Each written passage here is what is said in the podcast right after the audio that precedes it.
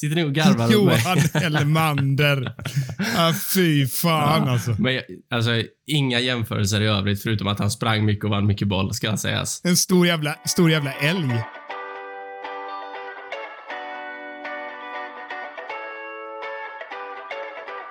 Can Manchester United score? They always score.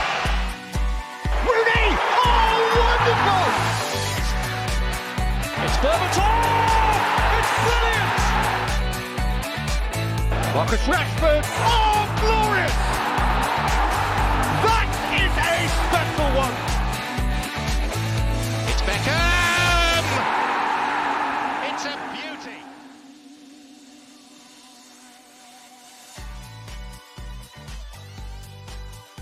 Känn er extremt jäkla välkomna till säsongens första avsnitt av United-podden. Podcasten som du inte visste att du längtade efter. United-podden görs i ett stolt samarbete med både den officiella supportklubben MUS och United-redaktionen på Svenska fans. Vi är äntligen tillbaka och det i en helt ny skrud. Micke, hur känns det att sitta här med poddens galna facelift som har gett eko genom hela podd-Sverige? Ja, det är knappt man tror det är sant. Det är, alltså det är en hederssak att få vara med om det här enorma metamorfosen vi går igenom allihopa tillsammans här. Eh, jag ser att Mackan är, han är helt rörd och vi har knappt varit kontaktbar här under uppsnacket. Jag, jag trodde du skulle kalla mig fysiskt krispig igen, Micke. Jag, jag tog ut det i förskott, men det, det är okej. Ja, Mackan, en ännu viktigare fråga då. Hur bra mår du nu mitt i sommaren när du får spela golf var och varannan dag medan Martial öser in mål i United var och varannan sekund? Ja, det är, det är dumt att klaga. Jag mår, eh, jag mår som man ska göra eh, i mitten av juli. Så eh, det är härligt. Men eh, alltså Martial, ingen är väl förvånad egentligen, va? Jag tror inte det. Nej, du har ju stått stadigt eh, i din ringhörna och stångat i blod i för hans skull. Det får man säga. Jag, jag såg att du var ute och svinga förut på Twitter och jag var inte en av dem som kände mig träffad och det, det kändes skönt att inte vara det för en gångs skull. Jag, brukar ändå, jag brukar ändå vara en av dem som blir träffad när du är ute och svingar Adam, men det, det är skönt att vara på andra sidan också. Ja, någon gång ska du fan få kunna ducka dem också. Nej, men jag var ju tvungen. Fan. Det är, ibland så, jag har ju också försvarat honom väldigt mycket. Kanske inte lika in i döden som du har gjort, men fan med snudd på. Och, och, eh, det, och så här, nu låter det som att, vi, att han på något sätt har bekräftat att han är världens bästa spelare och det har han ju gjort också, men det är än så länge bara försäsongsmatcher. Men eh, jag skrev väl typ i stil med att eh, fan om man har hållit på och raljerat och hatat över honom i två år så kan man inte komma tillbaka krypandes nu och älska honom när han är ett fullständigt briljant. Sen är det klart att man får kritisera spelare som är dåliga och hylla spelare som är bra, men eh, fan man behöver inte hålla på och hata spelare och säga att han aldrig ska sätta en fot på planen för United igen och så fort han gör mål så är han tydligen guld värd. Är, nej, skärpning med det där, där satte jag fan ner foten ordentligt idag. Bra rutet Adam. Eh, jag är helt med dig som eh, sann, eh, neutral och vad är det man mer brukar säga? Diplomat. Nej, men jag, jag känner mig någonstans i mitten när det gäller Martial. Det är möjligt att jag hävt ur mig någon gång att han har sett sina bästa dagar, men eh, jag, likväl är jag så jävla glad för att eh, se en lite leende Martial igen, får jag säga. Ja, vi får eh, marinera och dissekera Martials eh, insatser alldeles strax. Här. Medan dess så vill jag ju framförallt få reda på vad du har gjort här under ledigheten. Micke, vi har haft ungefär en månads eh, paus från poddandet. Nej, men det har varit, eh, de sista veckorna har varit extremt sköna för jag har haft semester. Och eh, jag har börjat komma in i den här, ja, ni vet, som alla säger efter ett par veckor in i en semester, att man börjar glömma bort vad det är för dag. Eh, ja, just det, man kan ta en öl när fan man vill och ja, bara flyta omkring lite grann i tillvaron. Och så har jag varit nere på västkusten och fått eh, andas frisk luft och äran att träffa er två också. Ett eh, så kallat oredigerat redaktionsmöte utan Gustav. Och bara det liksom förgyller ju hela min eh, sommar. Nej, så jag, jag mår jättebra just nu, förutom en liten eh, sommarförkylning som ni kanske hör. Men fasen, det, det känns underbart. Men eh, ingen rast, ingen ro för er och för dig Adam. Det är bara jobb som gäller, eller? Ja, verkligen. Det, jag hade en eh, kort kort, eller kort och kort, jag hade en tre veckor ledig typ efter jag tog min journalistexamen där i början av sommaren och eh, då klättrade jag på väggarna alltså konstant. Jag hade ingenting att göra för ingen polare var ledig samtidigt. Det var ju lite för tidigt och sen precis när jag började jobba igen då får jag alla polare semester samtidigt. Och nu är de iväg och har det gött och jag jobbar. Jag klagar inte för jag älskar mitt jobb men eh, fan det är otajmad semester, men det är vad det är. Mackan, du har väl haft en någorlunda liknande sist, eh, känns det väl ändå som va? Ja, men det får, man, det får man säga. Jag hade ju inte fyra veckor ledigt där jag klättrade på väggarna dock. Men eh, lite ledighet har jag klämt in och då har det blivit, eh, det blivit golf. Alltså. Det är väl det jag har gjort i sommar och det, det är ju trevligt. Det är det. Golf och kusten va? Ja, det är där jag är som bäst. Alltså. På, på golfbanan och på klipporna. Där, där är jag stark. Det känns som, Mackan, du, du kan inte klättra på väggarna för du har alltid en sån laid back inställning till allt. Så att du bara fin, finner dig Du har den auran och bara, äh, vadå? Ja, jag, jag tar mig an dagen i det här tempot. Ja, kanske alltså. Ibland. Jag vet inte. Det är ju ingen charmig egenskap att ha. Alltså. Du, du, du, du säger ju med andra ord att jag är en latmask, typ. Men, eh, ja, visst, ibland. Nej, jag, ibland. jag syftade på en livsnjutare mer så. Ja, men är inte livsnjutare bara ett fint ord eh, som eh, täcker latmask? det är du som tolkar det så. Ja. ja glöm det. Det var en eh, förolämpning helt enkelt. Ja. ja, det ska bli mer förolämpningar det här året, det lovar vi. Och för er nytillkomna lyssnare så är vi en eh, fjärde medlem normalt sett. Eh, Gustav Kulle, han eh, kan ju dessvärre inte medverka och då brukar ju Micke vara ute och svinga rejält direkt. Vad har han för ursäkt den här gången, Gustav Kulle? Nej, men det är väl någon form av... Eh, han är i USA tror jag och försöker ta över landet på något sätt. Det, det är den enda, enda, rimliga, enda rimliga förklaringen. Ja, har låga tankar om sig själv. Han försöker åka över dit och bli president, eller? Ja, men har ju den, det storhetsvansinnet i sig, så att säga. Ja, nu vet jag faktiskt inte var han befinner sig. Eh, om vi pratar eh, innan vi, vi la av för sommarlov så, så var, han ju, var han hemma någon gång överhuvudtaget eh, sista fyra månaderna. Utan det var ständigt på språng. Han har ruskigt bra points på sitt Amex SAS-kort eller något. det, det, har han. Alltså man hade ju kunnat sätta upp en eh, världskarta här bakom mig på väggen och bara kastat en pil. Och så vart man än prickar där har ju Gustav varit alltså, minst en gång. Särskilt, eh, särskilt på eh, Curacao. Där, där är han en hel del, har jag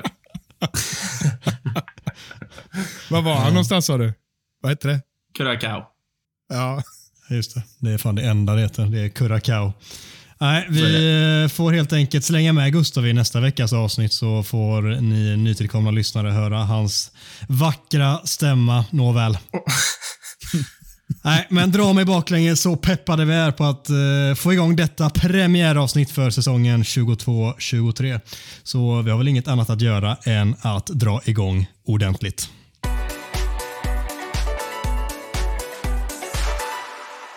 Första punkten för veckan är att gå igenom lite försäsongen som har varit hittills. Vi, normalt sett så pratar vi den senaste matchen men vi väljer att klumpa ihop de här tre matcherna som har varit hittills. Så det är 4-0 mot Liverpool, världens enklaste seger någonsin. Va? Vi hade 4-1 mot Melbourne Victory och 3-1 mot Crystal Palace idag när vi spelar in detta. Om vi börjar med dig Micke, hur lyder din sammantagna, eller ditt sammantagna omdöme hittills? Nej, men jag får väl ändå säga så här. Alltså, det beror på eh, vilken vinkel man väljer eller vilken kontext man väljer att ta upp det här. För jag, jag har snappat upp den här eh, diskussionen kring eh, eh det är bara försäsong. Hur man väljer att se på det. Eh, och det var, jag kommer inte ihåg vem som skrev eh, det, men det var en retweet som studsade runt där som många fångade upp. Och det, I stil med att om United hade torskat alla de här tre matcherna, eh, och då hade det eh, varit skandal och vilken katastrof och Ten Hag är helt värdelös och eh, allting kommer gå åt skogen och vi missar Champions League igen etc. Men nu tre raka segrar och det har sett jäkligt bra ut som vi kommer komma till. Eh, då, då säger man äh, det är ju bara försäsong. Och eh, Om vi fortsätter på citat eh, eh spåret här så hade ju Jürgen Klopp, ett, eh, som han eh, ofta gör, då, ett, ett solklar, en solklar utfästelse innan matchen mot United att there's no such thing as just pre-season against Manchester United. Och ja, eftersom han sa så, så gick det inte att förklara bort eh, den där förnedrande 0-4-förlusten. Så jag är förstås supernöjd. Eh, sett över tre matcher så tycker jag känslan är jäkligt god. Mackan, vad gillar du mest hittills om vi bortser från Martials briljans? Måste vi det? Måste vi verkligen göra det? Kan vi inte bara stanna vid, kan inte vi inte bara stanna vid den i 5-10 minuter här? Nej, men eh, jag, jag, tycker det är mycket som har varit bra. Jag tycker framför allt att eh, rörligheten är på offside planhalva ser inte ut som samma lag. Liksom. Det, det känns som att eh, Tenag redan har fått in eh, mycket av sina idéer offensivt. Sen sitter inte pressspelet ihop helt och hållet och försvaret har sett lite darrigt ut eh, vissa sekvenser, men jag tycker ändå det finns mycket, mycket gott att orda om eh, kring offensiven och då framför allt Martial, Rashford och Sancho. Sen, sen var Bruno bra idag, men det är framför allt de tre förstnämnda där jag tycker sticker ut. Jag vill eh, lägga till Fred också. Jag tycker jag har sett eh, banne med briljant ut i den här rollen som han har fått på det centrala fältet. Vi får se hur länge det varar, men än så länge ser det extremt lovande ut. Jag tycker också, det får vi inte glömma, jag tycker, på, jag tycker att ytterbackarna, jag tycker Shaw har faktiskt, eh, han ser lite rund ut, var mycket snabb med att påpeka när vi träffades förra veckan, men eh, han ser ändå, han är, han är sådär god nu som han kan vara. Jag tycker att han eh, visade det eh, en hel del mot Liverpool. Eh, och även i stund, stunden mot Melbourne. Eh, och Sen gjorde Malasia det bra idag och eh, Dalot har väl varit stabil de matcherna han har spelat. Fina assister också. Mm. Och ett jävla rungande skott i kryssribba slash stolpen mot Liverpool. När han kom fram på kanten och försökte köra ett, ett ja, svära i kyrkan med ett Agüero-avslut, bara dra upp den i första stenhårt. och det var fan inte långt borta för Alisson. han knappt reagerade alltså. Nej. Jag kommer inte ihåg det. Men, ja, ja, men det gjorde han säkert. Också. Jag litar på er. Du är ja, jag det. Det var någon av våg, vågorna som United hade där de sköljde över Liverpool. Spelar ingen roll vad de hade på plan. De hade väl 315 spelare inne totalt på matchen, under matchen Liverpool, men det spelar ingen roll. Någonstans där. Äh, det ser eh, faktiskt eh, oförskämt bra ut periodvis. Det är klart att man kan säga att allt inte alltid sitter, men för att vara så tidigt i ett nytt projekt med, eh, ja, med ganska stora förändringar i spelsätt och approach till matcherna så ser det faktiskt eh, det ser riktigt, riktigt bra ut. Uh, vad det leder till har vi ingen aning om. Vi har ju sett försäsonger tidigare som varit briljanta och sen så har det inte blivit någonting alls av det under säsongen. Men vi kan bara gå på det vi har och det tycker jag ser grymt intressant ut och jag hoppas att det här är någonting som de verkligen lyckas bygga vidare på. Inte att det blir heller som vi sett tidigare att när det väl kommer en plump så kan de inte resa ifrån det för att de inte vet hur de ska ta en motgång. Jag hoppas att eh, de bygger upp någon form av kollektiv självförtroende här och att eh, de även jobbar med gruppen samtidigt för att även kunna hantera motgångar. Dels i matcher och dels eh, resultatmässigt eller under en kortare slash längre period också. Jag vill väl komma till någon slags eh, utvärdering här om en liten stund. Eh, Ten Hag-utvärdering, men eh, jag skulle vilja, Mackan, du vill prata om Martial, men jag skulle vilja lyfta fram, som du är inne på Adam, eh, jag tycker tre spelare enligt mig sticker ut ordentligt eh, totalt sett, de här tre matcherna. Jag såg inte jättemycket av Melbourne, ska sägas, men eh, eh, mot de engelska lagen så tycker jag Sancho, Fred och Martial eh, håller en riktigt hög nivå, måste jag säga. Eh, och eh, ser otroligt eh, alltså, klara ut för säsong, om man säger så. För det brukar ju ta, det är lite rost brukar man ju se och det ser man ju lite här och var. Det är inget konstigt med det. Liksom. Eh, men eh, för mig är nästan lite överraskande vad, vad heter de är.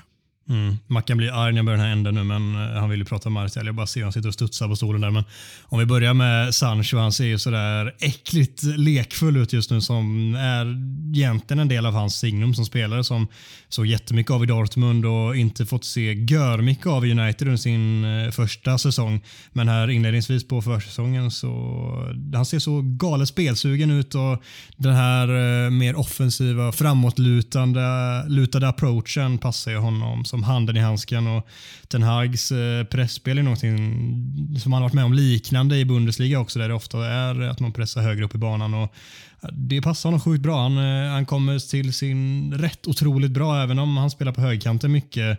Eh, som har spelat mycket tidigare, men så flyttar han över till vänstern ibland, typ som mot Liverpool. Han får kliva in och göra ett mål därifrån och så kommer han in centralt idag i slutet, eh, på, ja, i slutet av sin del av matchen där han eh, får komma till friläge och göra mål. Det, det, ser så självklart ut det han gör och det ska bli galet intressant att följa fortsättningsvis och se om man kan bygga vidare på detta. Mackan är taggad på att gå in här nu, men jag, jag kan ju då... Eh, eh för er som inte har hört mig eh, säga det så har jag varit lite tveksam eh, i alla fall mot eh, hysterin kring Sancho tidigare. För jag tycker jag, alla, det har vi redan pratat om ganska många gånger, men jag tyckte han växte in i förra säsongen och det var först på slutet som jag upplevde att jag såg hans Dortmund-kvaliteter.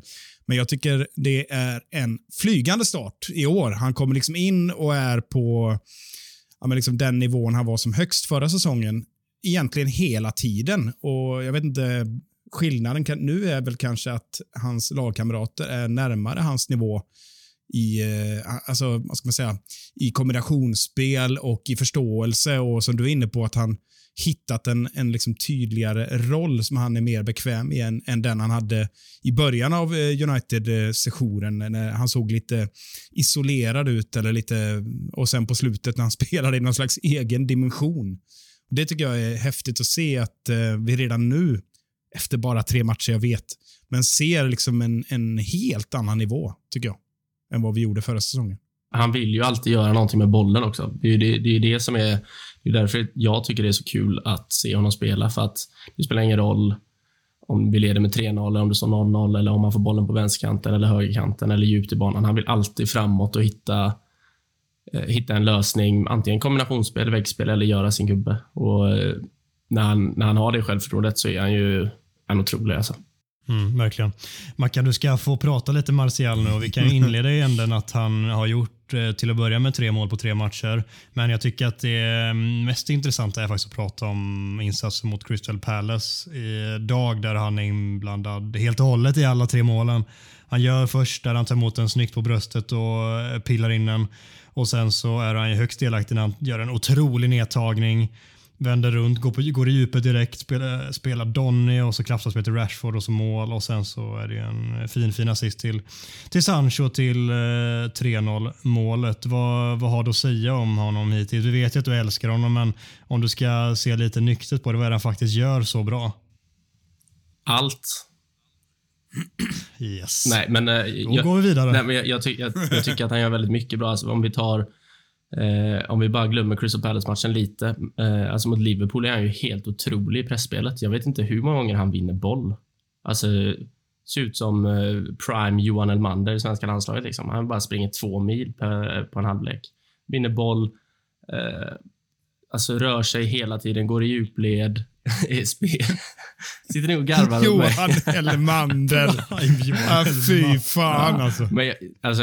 Inga jämförelser i övrigt, förutom att han sprang mycket och vann mycket boll, ska sägas. En stor jävla, stor jävla älg. Ja, exakt. Nej, men ni fattar vad jag menar. Alltså. En, en defensiv anfallare. Säg en, eh, säg en Jamie Varder då. Nej, jag vill ha Prime Johan Elmander. Nej, men verkligen så. Men varför har han inte fått ut det under de två senaste åren? Vad är skillnaden på nu och det vi har sett senaste? Ja, alltså, det, är ju, det är ju lätt att säga att allt är skillnad, men det, alltså, han ser ju ut som en helt annan spelare och det tycker jag till exempel Marcus Rashford också gör. Så jag, jag vet inte om... Eh, alltså, det kan ju vara att känna förtroende från ny tränare, komma in i gruppen igen på ett annat sätt, eh, våga ta lite större plats. Eh, för att han är en fantastisk fotbollsspelare. Det kan ju ingen inte tycka. Eh, och de som tycker det tycker ju fel. Han är, han är i grund och botten en av de mest talangfulla fotbollsspelarna i United och har varit så sedan han kom egentligen. Eh, varför han inte har fått ut det... Ah, alltså jag vet inte. Alltså han har ju, jag, jag är ju en av dem som, som argumenterar för att han egentligen aldrig har fått det förtroendet förutom den säsongen under Solskjaer där han var ordinarie. Och då gjorde han väl uppemot 30 poäng nästan. Mm, han gjorde 29 poäng, han gjorde 23 mål och eh, 6 assist. Ja.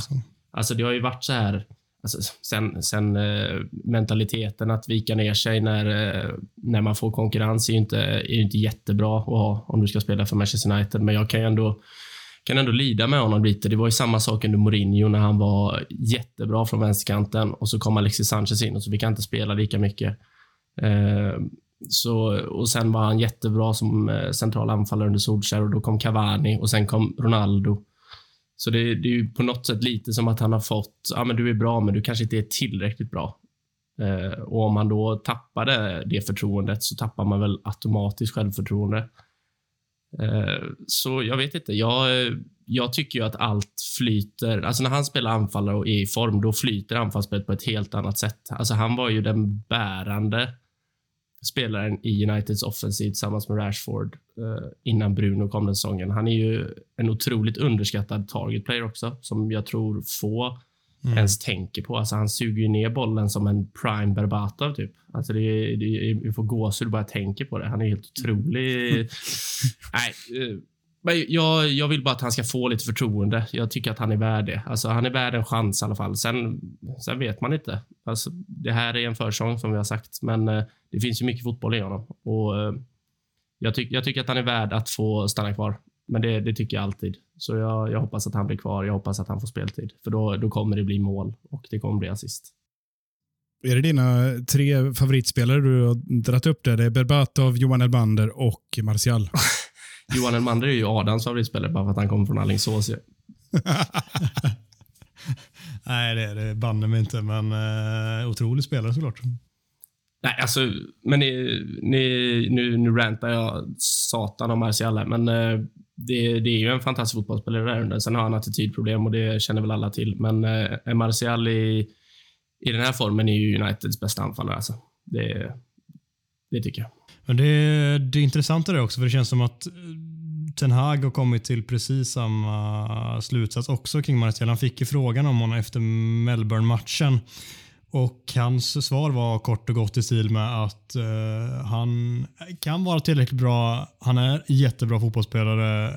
Allting handlar om att han ska få ut det själv. Alltså att uh, han har skallen med sig och att han fortsätter som han har gjort hittills, ge allt på träningsplanen och fortsätta verkligen vara på plats i skallen, fullt fokus hela tiden, då, eh, då finns det eh, tillräckligt med fotbollstalang i honom för att han ska kunna vara en startspelare i Manchester United. Och jag tycker att det ligger mycket i det i kombination med att han nu har fått den här rollen som ja, men ganska, den är ganska lik den han hade 1920 när han var så bra. Då var det Rashford och det var Greenwood på varsin kant. Nu är det Rashford och eh, Sancho mest sannolikt. Eh, och periodvis även då hade han ju Bruno bakom sig, vilket han har nu. Och eh, möjligen förhoppningsvis ett eh, United som eh, spelar betydligt bättre också. I övriga delar av banan så Eh, tror jag att det kan bli väldigt intressant att se framöver. Jag är hoppfull utan att eh, vara helt, helt säker på att det blir så där bra som vi såklart allihopa vill att det ska bli.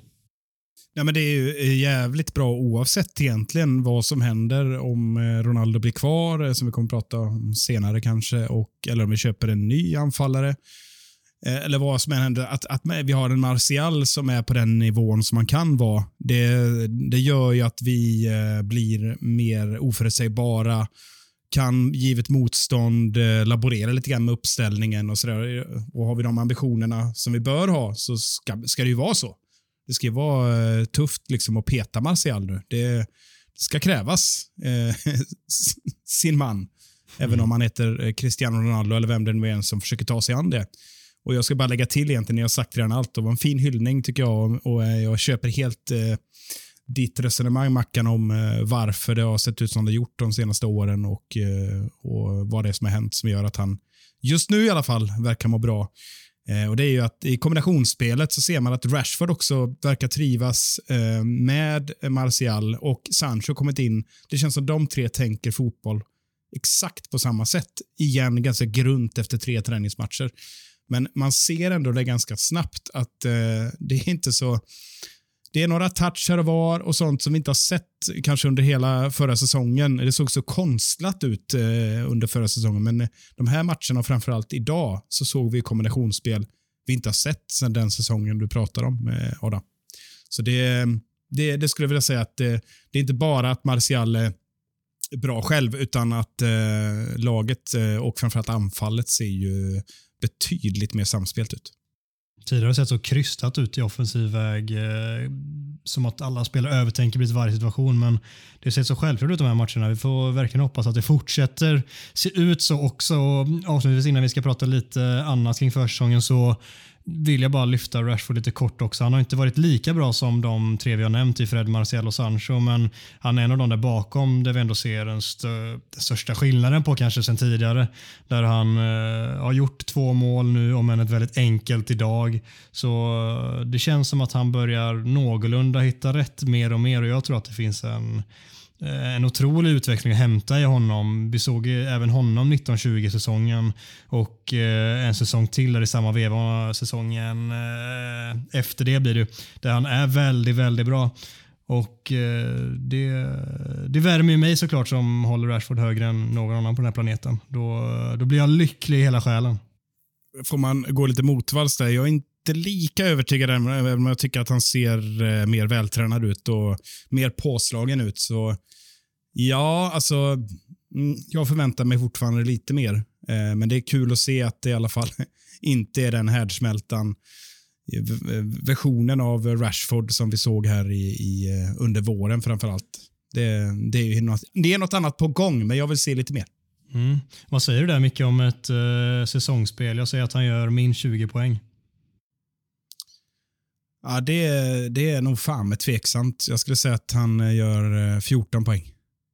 Ja, men vi kör då. Jag säger över 20 och du kör under 20 och eh, förloraren bjussar på en lunch med öl, eller vad säger vi? Ja, det är taget. Mackan vittne. Är jag med i samtalet fortfarande, eller får inte jag vara med? Nej, du får inte vara med. Men du sa ju inte varken bu eller bär, så nu kör jag och Micke en egen, så får du hitta någon, någon med Gustav nästa vecka eller något. Ja.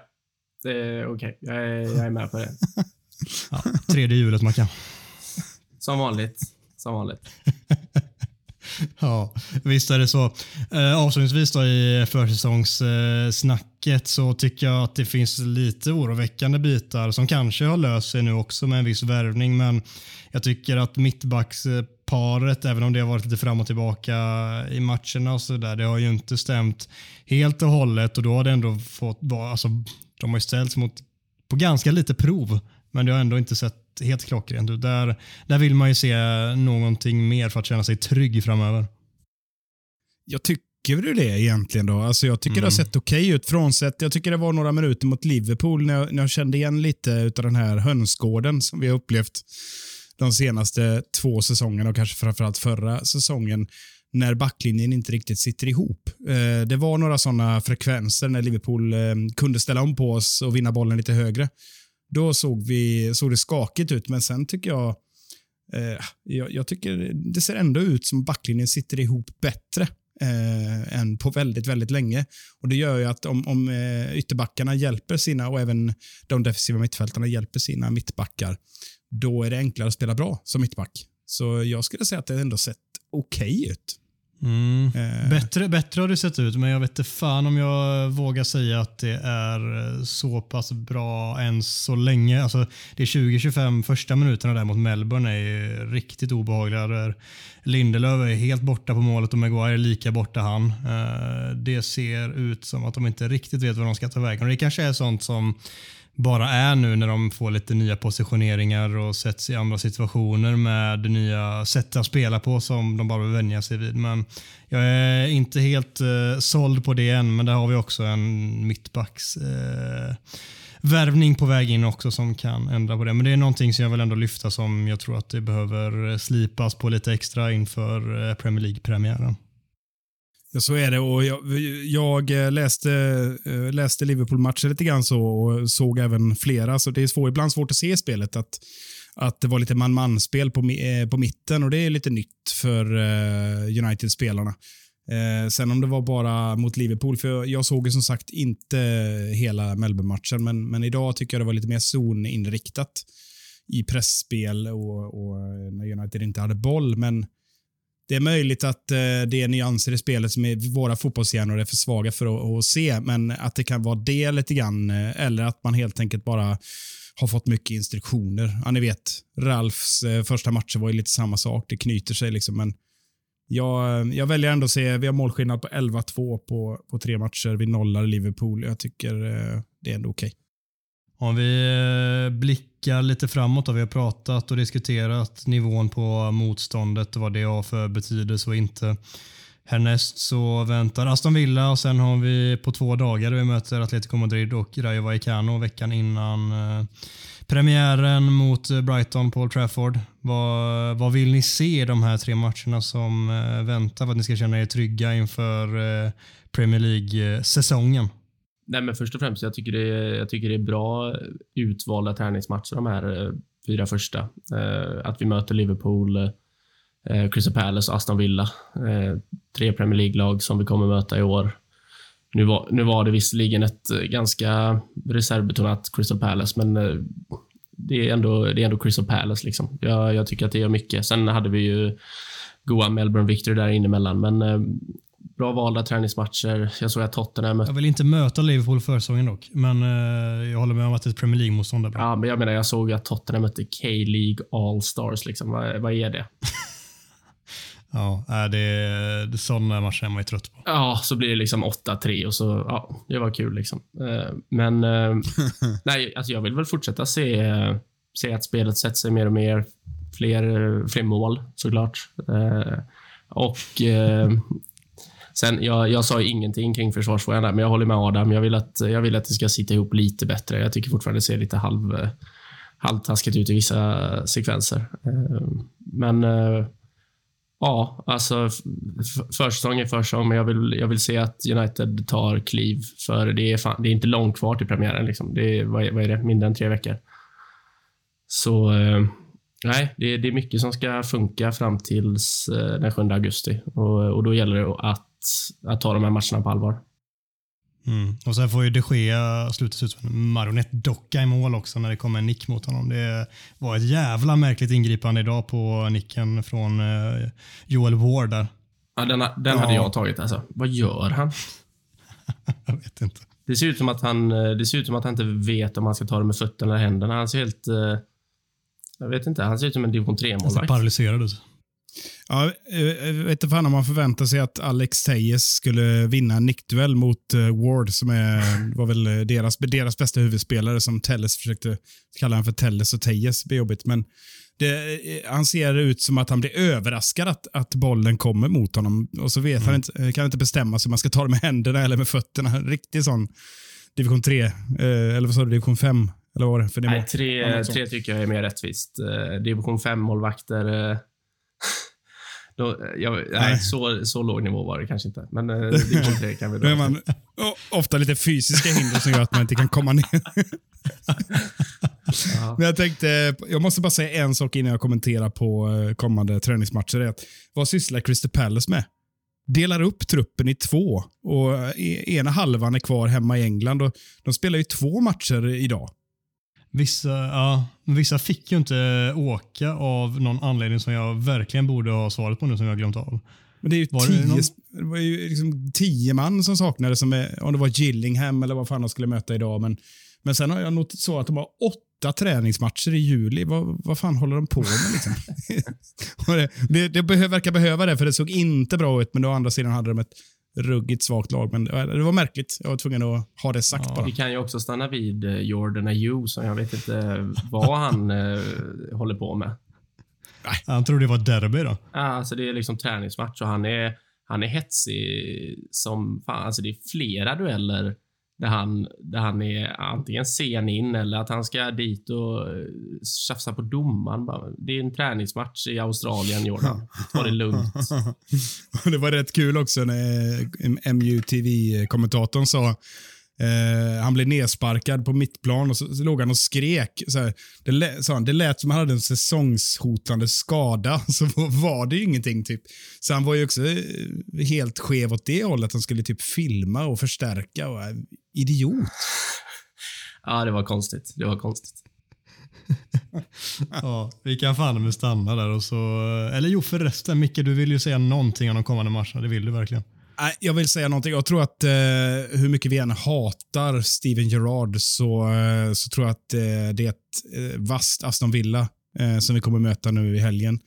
Och Jag tror också på, mycket på Villa i år. Eh, jag tror att eh, de kommer se annorlunda ut än vad de, de fick inte ordning på det förra säsongen. Jag tror de är rätt besvikna på många sätt. Så Det är ett jävla test, eh, skulle jag säga. Så se det lika bra ut offensivt och vi eh, ja, eh, håller en lite vassare nivå då än vad Adam tycker vi har gjort hittills på, på försvars, försvarslinjen, då är jag nöjd.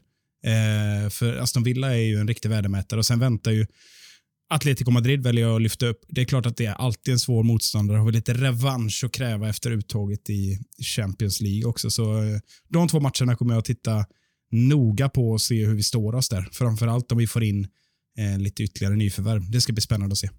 Vi vill ju även se att eh, våra två nyförvärv i Christian Eriksen och eh, Lisandro Martinez, att de integreras väl in i laget och att det ser ut att klicka ganska snabbt där. Det vore ju eh, väldigt trevliga besked att få. Och Sen så vill jag avsluta med att säga också att jag håller med om att det blir tuffare test mot Aston Villa för det är en jävla bra trupp de sitter inne på nu. Den är sjukt spännande men Gerard är ju en kasttränare så det löser vi.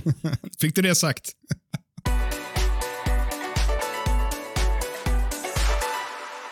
Suck C-segmentet Talk of the Town är tillbaka med fem påståenden med aktuella ämnen som vi helt enkelt diskuterar huruvida det är sant eller inte. Veckans första påstående lyder så här. Den omedelbara Ten Hag-effekten lovar redan minst en topp 4-placering. Nu eh, ska vi alltså eh, besluta redan på tre försäsongsmatcher om det här är tillräckligt bra för att eh, flyga hela vägen till en topp 4-placering, vilket ändå behöver vara och bör vara det första delmålet under Ten Hags styre. Så Marcus, vad säger du till att börja med? Uh, Ja, jag, jag, såg att, eh, jag såg att någon, eh, några Arsenal-fans hade sagt att de skulle vinna Premier League nu efter att de har vunnit två eh, träningsmatcher i USA eller vad det är de är och härjar. Jag, jag, vill inte, jag vill inte falla in i en sån, i en sån rävsax här, så nej, redan nu lovar inte topp fyra. Men det, det är kul att se Manchester United spela fotboll just nu och det hoppas jag att vi kan säga när vi pratar igen i december, att det fortfarande är kul. Eh, så länge, så länge man ser lite framsteg, så länge man ser att ett, eh, ett spel sätter sig och att vi, att vi vinner lite fler matcher än vad vi har gjort de senaste åren så, så kommer jag ändå vara ganska nöjd tror jag. Faktiskt. Mm. Är det en sänkt ribba? Ja, men det är nog lite en sänkt ribba, för jag är trött på att eh, sätta ribban för högt och sen riva på första och andra och tredje försöket varje gång. Så eh, eh, det, det, jag, jag kommer se det här som långsiktigt. Alltså, det, det måste vi nog göra, tror jag. Så eh, mm. säg att vi kommer femma i år. Jag kommer, världen rasar inte då. Men eh, har vi då, kommer vi femma och vi inte ser någon förbättring gentemot förra året, då är det klart att det är oroväckande. Så förbättring och alltså någon typ av återgång till eh, till att det är kul att se Manchester United spela fotboll, för det har det, har det inte varit på ganska länge ändå.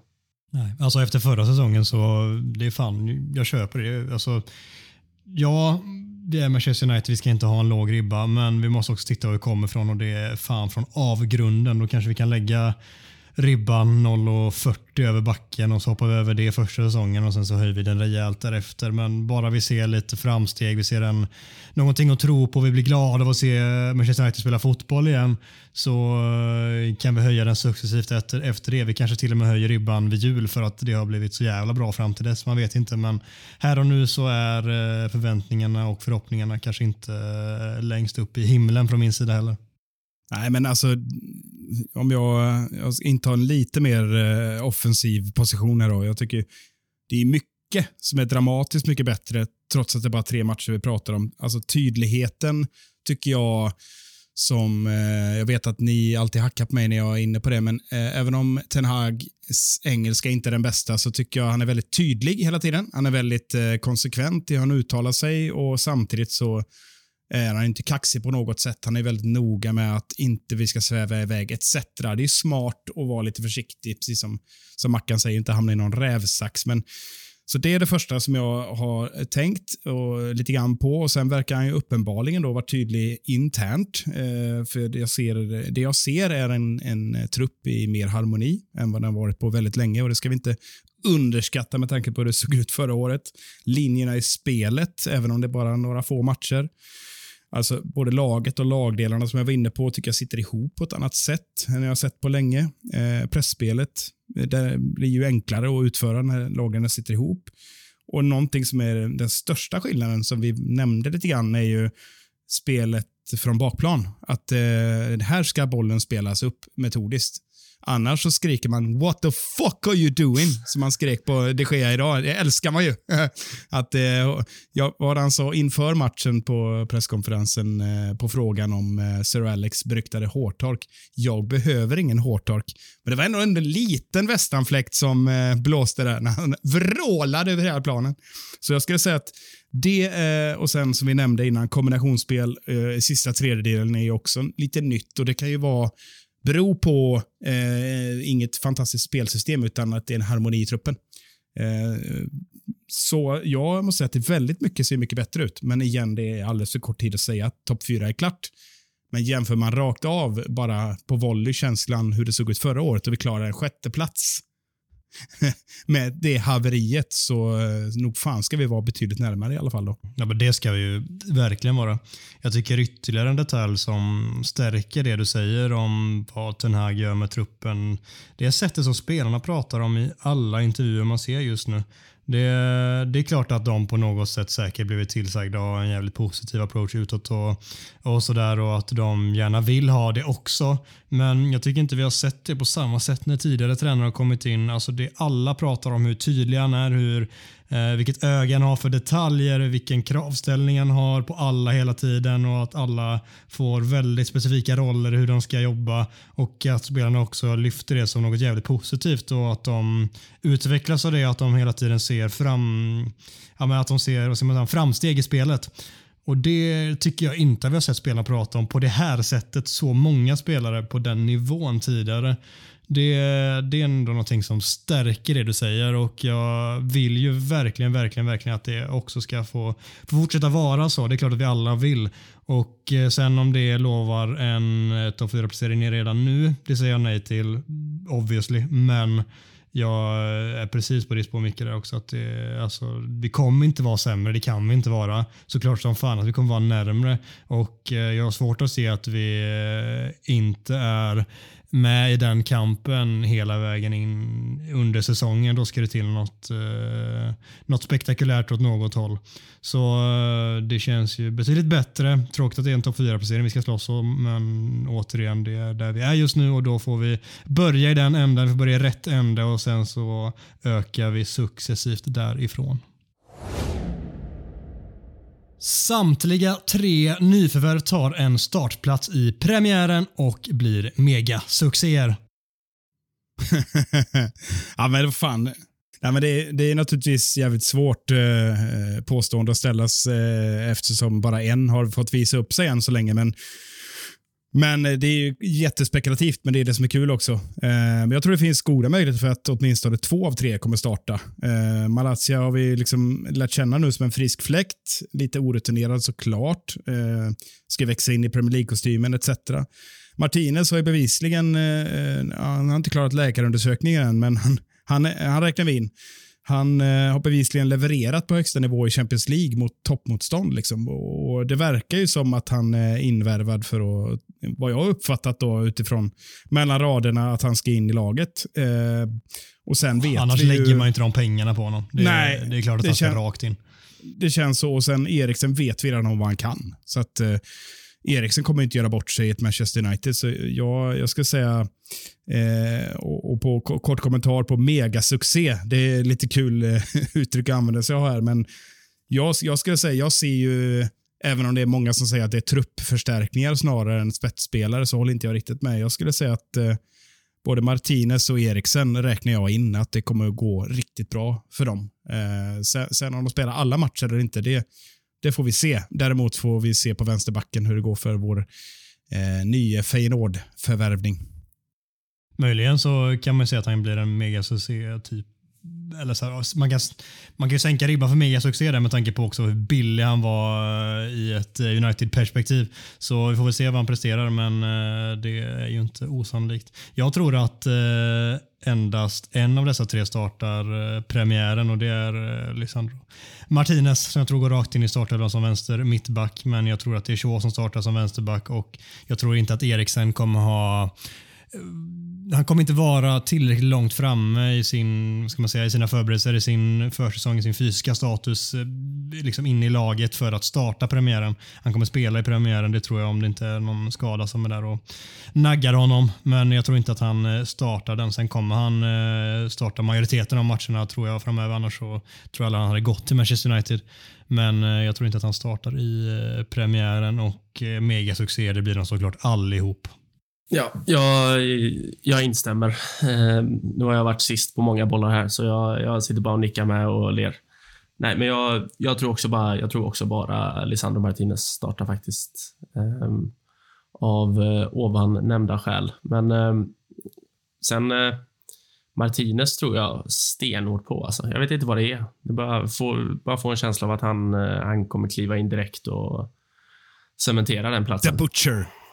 The mm, Butcher. The Butcher. ja, men det, ja. det är ju fint. Men vad, berätta mer om varför du tror att han kommer fungera så bra rakt, uh, rakt in i detta United-lag. Det, alltså, såklart till stor del på grund av att han har spelat under Ten Hag i, vad är det, två och en halv säsong? Tre, tre säsonger kanske till och med. Uh, och dels för att han är vänsterfotad. Uh, Ten Hag har väl egentligen insisterat på att det ska vara minst en vänsterfotad uh, mittback när han ställer upp. Uh, och dels att han, eh, det, bara, han bara känn, det känns som att han har den rätta karaktären. Han är, Ten Hag beskrev väl han som en krigare i intervjun med Uniteds egna kanaler. Och, eh, uh, fan, alltså United har ändå saknat en riktig krigare i, i mittförsvaret. Han är liksom, vad är han, ändå 77? Uh, har väl egentligen, han, hur, du, du informerar mig om det här Adam, hans statistik i, i luftduellerna. Det, mm. han, känn, han känns så självklar. Liksom. Det spelar ingen roll att han är en 77. Jag ska in i den här duellen och jag ska fan vinna den. Han har en otrolig timing i luftduellerna och vunnit. Alltså, betydligt mer än väldigt många andra mycket större mittbackar som eh, folk håller som jätte, jättebra.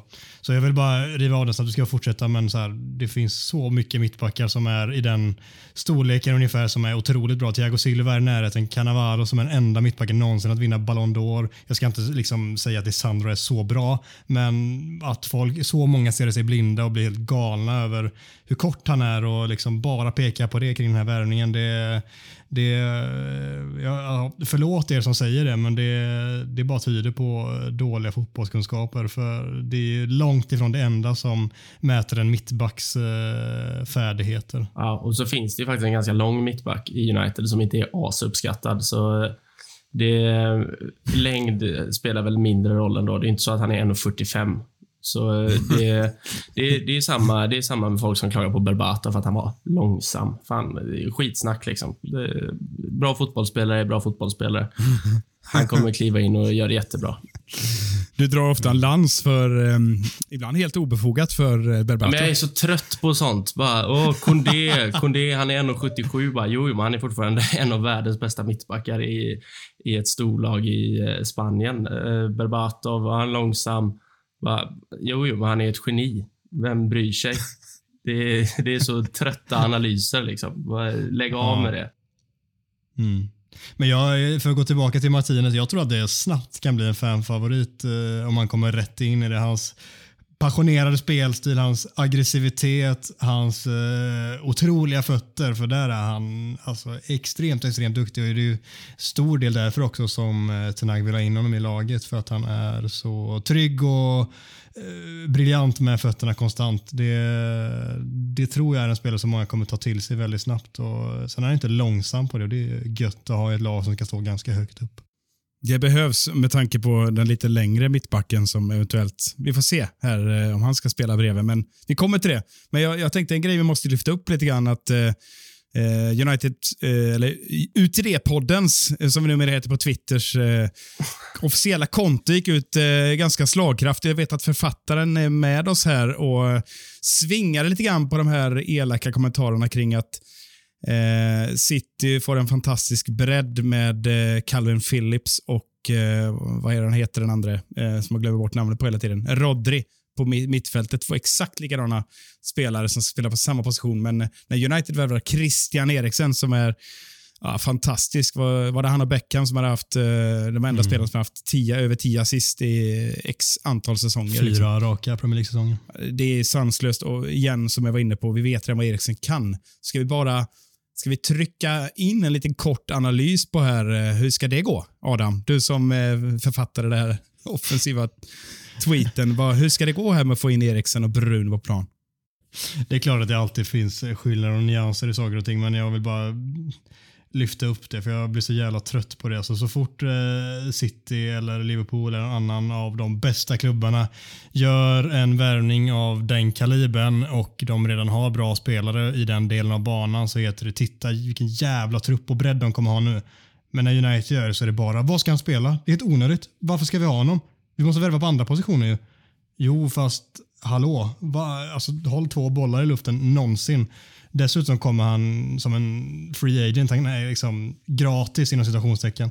Det, det är såklart en no-brainer att plocka in honom. Det är en spelare som tränat, eller som liksom varit i Ajax under en lång period innan, som har tränat under Ten Hag i Ajax när han eh, återhämtade sig från sin eh, hemska hjärtattack och eh, känner Ten Hag därefter. Det, jag ser det som en no-brainer att plocka in honom. Sen om han visar sig bli fullständigt briljant eller bara väldigt bra, det får vi se. Men han kommer vara väldigt nyttig för oss. Och att ens vara kritisk till den, eh, av den anledningen tycker jag är märkligt. Ja, vi lär väl få ihop, vi fick inget svar där riktigt på hur ekvationen ska gå ihop, men det blir, det blir intressant att se, skämta bara. Men, ja. eh, men eh, jag håller med dig helt och hållet och ska man se det krast så är det en rak ersättare till Paul Pogba. Det är ju det är lite samma typ av eh, spelartyp, även om det är olika fysiska förutsättningar etc. Men Eriksen eh, kan ju eh, smyga in i boxen, men kan också ta en lägre position. Så jag håller med. Det är bara trams när vi har chansen att rycka en så pass meriterad spelare som bevisligen kom tillbaka fint förra säsongen och gjorde det bra i ett ja, förhållandevis mediokert Brentford. Så jag säger bara det är inte den veckolönen som Pogba, jag har inte sett vad han har för lön, men det är knappast samma nivå. Så det, säger, det, är, det är ett bra byte, en trött ja, Pogba just. mot en vass Eriksson. Lilla, lilla, lilla, pytte, pytte lilla Brentford ändå.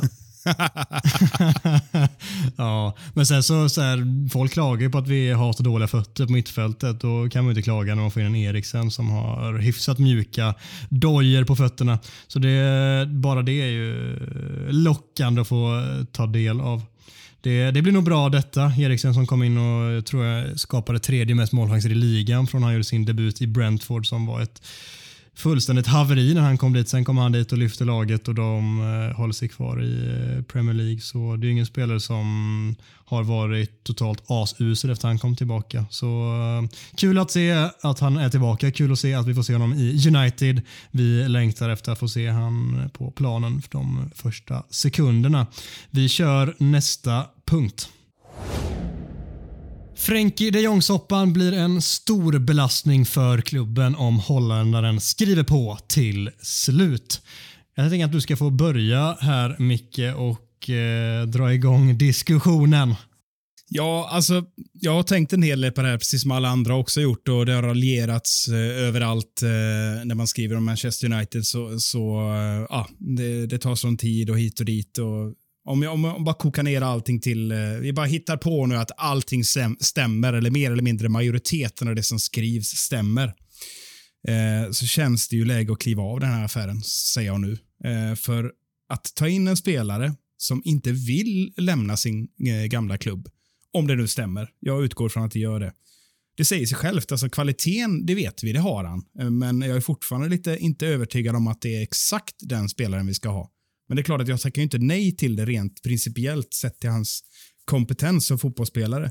Men eh, om inte viljan finns eller han bär med sig det bagaget och liksom en minsta motgång så kommer man prata om det här att det blev en slags tvångsövergång givet eh, att eh, Barcelona spelar monopol med pengar under bordet eller vad fan de sysslar med. Jag vet inte riktigt vad det är som pågår och det, jag, jag, är lite för dåligt insatt här. Vi skulle haft med oss ekonomen Gustav Kulle, men ni kanske har koll och kan fylla i här. Fill in the blanks när det gäller Barsas. Så jag, jag känner bara så här att för mig osar det här katt. Jag eh, skulle säga att det är bättre att vi kliver av det där tåget nu och inser att eh, eh det blev inte så bra. Och, för jag tror att alternativet eh, kommer att riskera att sabba den fina sammanhållningen och ändå den kulturen som Ten Hag redan har byggt upp tycker jag i truppen. Det är min, där står jag. Får jag, får jag bara flika in där snabbt? eh, De här rapporterna som tyder på att eh, Frenkie de Jong insisterar på att stanna i Barcelona. Han vill absolut inte lämna. Alltså jag tror bara det är total bullshit alltså. Det, det, kan inte finnas, övertygad. det kan inte finnas en spelare i världen som vill stanna i en klubb som behandlar han så pass dåligt. Alltså. Det, det går inte. De är, de är skyldiga han eh, 17 miljoner pund. Är det, är det rätt? 17 miljoner euro är det. 70 miljoner euro. Uppemot 200 miljoner kronor. Eh, pengar som de säger att de inte har och sen värvar de spelare för, jag vet inte, låtsaspengar alltså. Ehm, jag, tror att, jag tror att ryktena som sipprar ut kommer från Frenkie de Jongs agenter för att sätta press på Barcelona. Det, alltså United kan inte betala en övergångssumma på omkring 80 miljoner euro och sen betala pengar till de Jong som Barcelona är skyldig. Det fattar, alltså det fattar ju vem som helst. Eh, och se- alltså släpper det då att de Jong, ja men jag är öppen för att gå till United, ja men då, då kan de betala din lön som vi är skyldiga dig. Då, då får ju helt plötsligt Barcelona överhanden igen. Så jag tror, jag tror att United hade inte diskuterat med Barcelona i två månader utan att kolla om Frenkie de Jong vill kom, komma. Så eh, även om United inte är mästare på att göra affärer så, så dumma är de fan inte. Det finns inte chans i världen alltså.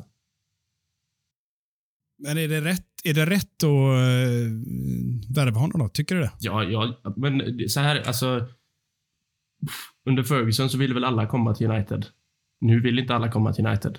Frankie de Jong har väl sagt tio gånger innan det, allt det här började om att Barcelona är hans drömklubb och han har drömt om att spela där. Det är klart att om han är i Barcelona och ett United som inte har vunnit en titel på fem år, inte spelar i Champions League, Alltså det är klart att det kommer att krävas lite övertalning, men det, alltså den biten tror jag är klar för en månad sedan. Alltså. De Jong är öppen för att lämna Barcelona för United, annars hade inte United fortsatt. Det, jag, alltså, jag är inte insatt, men jag, alltså, jag kan inte tänka mig, så dumma kan de inte vara. Nej, nej, jag, jag är helt med dig. Helt med dig. Det, det finns inte en chans i världen att United har förhandlat så här länge utan att veta att han faktiskt vill komma. Nu är det bara så jäkla mycket spel för just den här lönen som de är skyldiga honom på som sagt 17 miljoner euro. Det är ganska mycket pengar som de bönade och bad sina spelare om att gå ner i lön under pandemin för att klubben skulle överleva som de lovade att de skulle få tillbaka sen. Och sen nu, nej vi kan inte betala tillbaka det, de här pengarna förresten Frenke. Det, det, det har vi inte möjlighet att göra. Och sen så värvar de först Rafinha för 60 millar sen köper de Lewandowski för 50 millar. Det, är så här, det, det finns ingen i världen som kan tycka att det känns rimligt. Samtidigt så snackas det om att om Frenke då sen skulle säga att han vill lämna så avsäger han sig de här pengarna som klubben är skyldig honom. Vilket gör att han måste bara fortsätta hävda att han vill vara kvar. Klubben är såklart jättesugna på att bli av med honom. United är jättesugna på att värva honom. Han har ett, ett fantastiskt förhållande med Ten Hag eh, och såklart att han vill till United om det är så att han måste lämna Barcelona, vilket jag tror han vill numera. Det är hans drömklubb i grund och botten. Han hade säkerligen velat vara kvar där eh, om han fick välja från första början. Nu har det blivit en jävligt komplex situation där det är liksom fulspel under bordet konstant för att försöka, vad ska man säga, bluffa ut varandra tills någon till slut ska bara ta tag i situationen och lösa den. Sen om den löser sig eller inte, det vette fan. Alltså det, för just nu är det bara att vänta på att Barcelona ska gå med på att betala de här pengarna. För United kommer inte göra det. Jag tror inte ens United får göra det. Nej, de får, Eh, de får de inte göra det tror jag inte. Tror jag att jag läste mig till. Exakt. Ja, men exakt. Och då, så här, då är det i så fall om United gör ett ännu högre bud så att de sen kan använda de pengarna och betala av honom. Men det, nej, det, det är en jävligt svår sits alltså. Kan vi, kan vi bara fortsätta med det här, kasta skit på Barcelona? Vad, vad håller de på med alltså? alltså? Det finns bra mycket värre äckliga klubbar ute i Europa. Newcastle, Manchester City, Paris Saint-Germain. Men Barcelona har ju tappat det fullständigt. Alltså. Så kan man inte behandla sina eh, spelare. Alltså Busquets, Piqué, Alba. Spelare som har brunnit för den här klubben i, i stort sett hela deras liv. Bortsett från Alba då, som kommer från Valencia. Men alltså det är egna produkter som går ner i lön. Eh, och Nu vill de få bort Piqué för att de är skyldiga han massa pengar. Eh, de vill få bort de Jong för att de är skyldiga han massa pengar. De vill att Busquets ska gå ner ännu mer i lön. De vill att Alba ska gå ner ännu mer i lön. Och så värvar de spelare för över en miljard. Alltså, vad, vad är det för något? Jag fattar inte hur supporterna kan stå och bara “Oh, Lewandowski, oh, vad, vad, vad gör ni?” alltså, vad, vad är det frågan om? Nej, alltså det, de verkar ju spela fotboll manager med, vad ska de spela för system? Liksom 3-0-7 eller vad är det för, vad, vad siktar de på nästa år? De har ju sju anfallare. Och det, det är där jag står lite grann så här, om nu Busquets, det är väl, vad är han, 36 eller någonting? 35-36. De Jong är väl, var väl i alla fall eh, sedd som eh, arvtagaren på den positionen. Eh, och sett till lagbygget så förstår jag ingenting om de gör sig av med de Jong. Så Det är bara det jag menar. Jag tycker det är så många orimliga delar i det här. Och Grundpåståendet, om jag får komma tillbaka till det. Tror ni att det kommer påverka United negativt om de Jong värvas? Jag säger ja. Vad tror ni? Jag är övertygad att det inte skulle göra det. Helt övertygad. Nej, det, det tror inte jag heller blir negativt. Jag, jag, det enda som är negativt är att det har tagit för lång tid. Få det klart bara. Och det, jag fattar att det är mycket svårare än så, men det är tröttsamt. Det är lite Brexit, va? Get Brexit done. Get de Jong done. Hur bra ja, blev Brexit? Ingen liknelse Nej. för övrigt, men... Äh, ja. Nej. Nej, det vill jag bestämt på. Nej, men vi lämnar den diskussionen där och så har vi våra tydliga åsikter eh, klarlagda. Erik Bajis succé skapar kaos i Uniteds mittbackshierarki. Bajy och Martinez borde starta i premiären. Den här kan väl jag se till att börja hugga på den här gången då. då. Och eh, ett, Bajy har ju sett helt otrolig ut de två första matcherna. Fan vad fin han är när han är på det spelhumöret. Han är lite sådär avig som han alltid är. Han står lite fel och så löser han det för att han är så galet akrobatisk och snabb. Och sen så gör han en översiktsfint och sticker rakt på mål och löser ett mål. Och sen står han för en helt briljant eh, passning i djupled alla Carrick eller Scholes som vi är mål på. Och så är han sådär fin som bara Bailly kan vara. Det, det är klart att man vill se mer av honom när han håller på så här. Och Sen vet vi också vad han har i sig å andra sidan. Så jag säger nej, vi, än så länge ska vi nog hålla i hatten. Men fan vad lycklig Erik Bailly gör mig konstant när han spelar fotboll. Det är, väl, det är väl just det, när han spelar fotboll. Nu, nu vet jag att han, eh, att han inte var så skadad förra året, utan han fick inte chansen. Men äh, jag vet inte. Alltså, jag, jag gillar eh, Bailly också, men äh, nej. På, på sin höjd så är han ju, han är väl förmodligen Uniteds bästa mittback då, på sin höjd. Äh, I otroligt svag konkurrens. det är väl bara han som kan vara med och utmana. Och Martinez nu då kanske. Så kanske lite eh, hårdare konkurrens nu i år än förra året. Men eh, nej, han ska inte spela premiären. Jag tycker verkligen inte det. Ja, visst hade det varit eh, kittlande med två lösa kanoner som de ändå känns som, som bara tokchansar och stötbryter med raka ben. Liksom och, vi vinner med 6-0 och de, liksom, de har inte släppt någon jävel över halva plan, liksom bara attackerat. Det, men det känns inte så sannolikt, även om jag hade älskat nej. att se det. Ja, men visst, hade inte blivit ledsen om det blev så, men jag, jag, nej. De borde inte, det borde inte bli så och det kommer inte bli så, men fan, det hade ju ryckt lite i mina smilband ja. av det. Ja, va? Jag trodde du skulle säga något på. annat. Ja, Mackan brukar köra sin tältresning där, men du är lite mer sofistikerad Adam. Ja. Nej, men eh, uppenbarligen då, eh, igen, det är så mycket rykten och liknande. och vi kommer väl till en annan spelare sen som där Ten Hag säger saker, men eh, jag är inte helt säker på att han menar det. Rakt svar på vem är kapten i United, eh, utan att tveka, utan att blinka, sa han att Harry Maguire är kapten. Punkt. Och, och mellan raderna så verkar han lita på honom och vill starta med honom ihop med Martinez. Så att Ja, det ser väl inte jätteljust ut att det blir den kombinationen, eh, men om tittar man på prestation hittills och eh, som vi är inne på då, kanske lite önsketänkande, så är det väl inte otänkbart att Baji kanske avancerat lite grann i hierarkin och Lindelöv har ju sett ut som Lindelöv gör mest och Varann har väl eh, inte direkt rosat marknaden heller som vanligt med någon skada. Eh, så nej, jag vet inte fan, Baji är inte borta i racet. Det skulle jag vilja säga. Men eh, jag, säger... jag, jag, tror, jag tror att han kommer få en del speltid, särskilt med tanke på att det är Europa League som gäller och inte Champions League. Sen måste jag säga att jag har svårt att se eh, jag har svårt att se Ten Hag bänka Varann för Maguire. Det, det händer inte. Är det bullshit det med, med eh, kaptens eh, Nej, jag tror, jag tror inte det är bullshit, men vad, vad ska han göra också? Det hade ju också varit att krossa en eh, spelare redan innan en säsong. Bara, tjena, eh, ny tränare här. Eh, den här binden du har på armen, den kan jag ta. Det, jag, alltså det är ju en jättesvår situation. Det, jag, jag, hade ju, jag tycker ju inte att han ska vara kapten, men eh, det är skitsamma. Det kan vi ta en annan gång. Men eh, jag, jag tror inte att Maguire kommer vara ordinarie. Det tror jag inte. Vi stannar väl vid det mittbackssnacket där, tänker jag, och så kör vi den sista punkten för detta premiäravsnitt.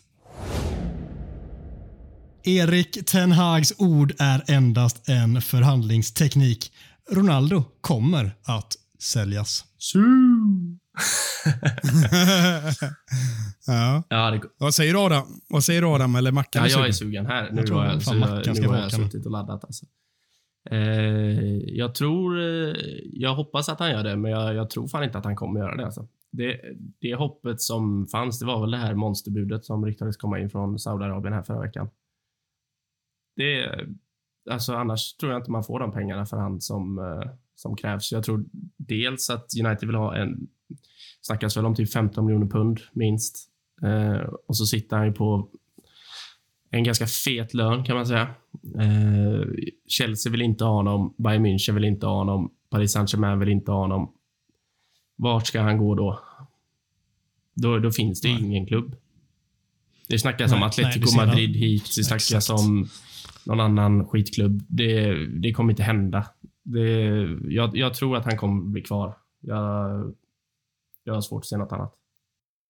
Ja, alltså jag kan prata så jävla mycket om hur uselt Ronaldo har skött hela den här situationen och hur jävla pinsamt det är. Men jag har spelat in så mycket nu och jag vill avsluta det här avsnittet på god fot. Jag tänker vi sparar det snacket. Jag vill bara brasklappa för att jag, jag tycker det är, det är jävligt svagt och ja, men oprofessionellt skött av honom. Så det, men så här, som du säger, det finns inga vägar han kan gå här nu till någon annan klubb. Han vill till en Champions League-klubb. Det ska vara en klubb som kan betala i alla fall en liten slant till United och kan ta hans lön samtidigt. Och de enda som det har pratats om där verkar genuint inte intresserade.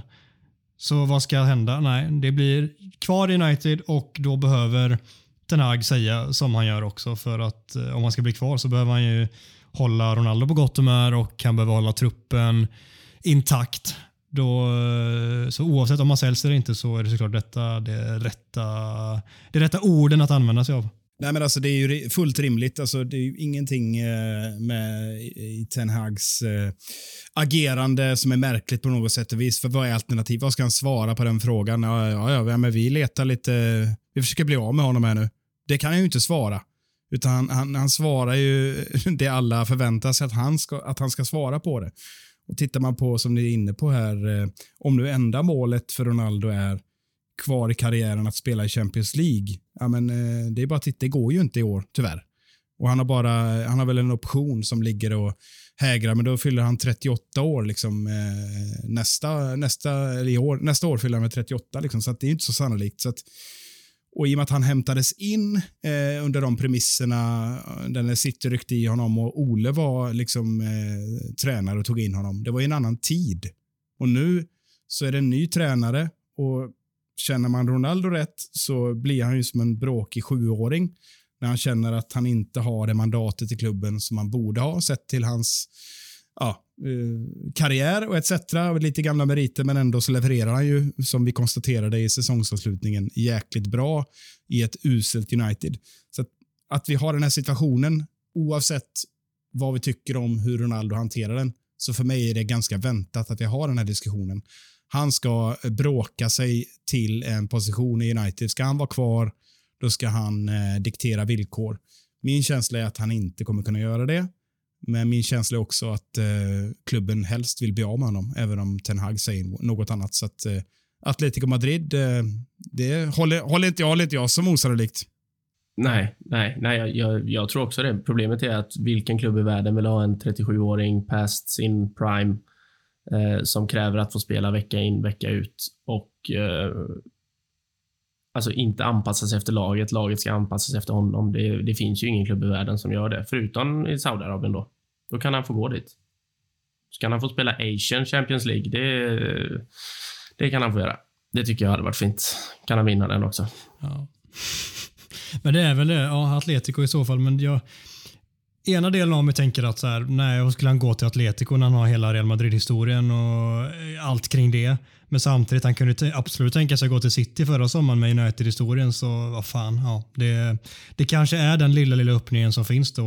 Då hoppas jag verkligen att det blir så, för jag tror att det var bäst för samtliga parter i det här skedet att han, att han eh, lämnade. Så förhoppningsvis blir det så. Jag tror inte att det blir så.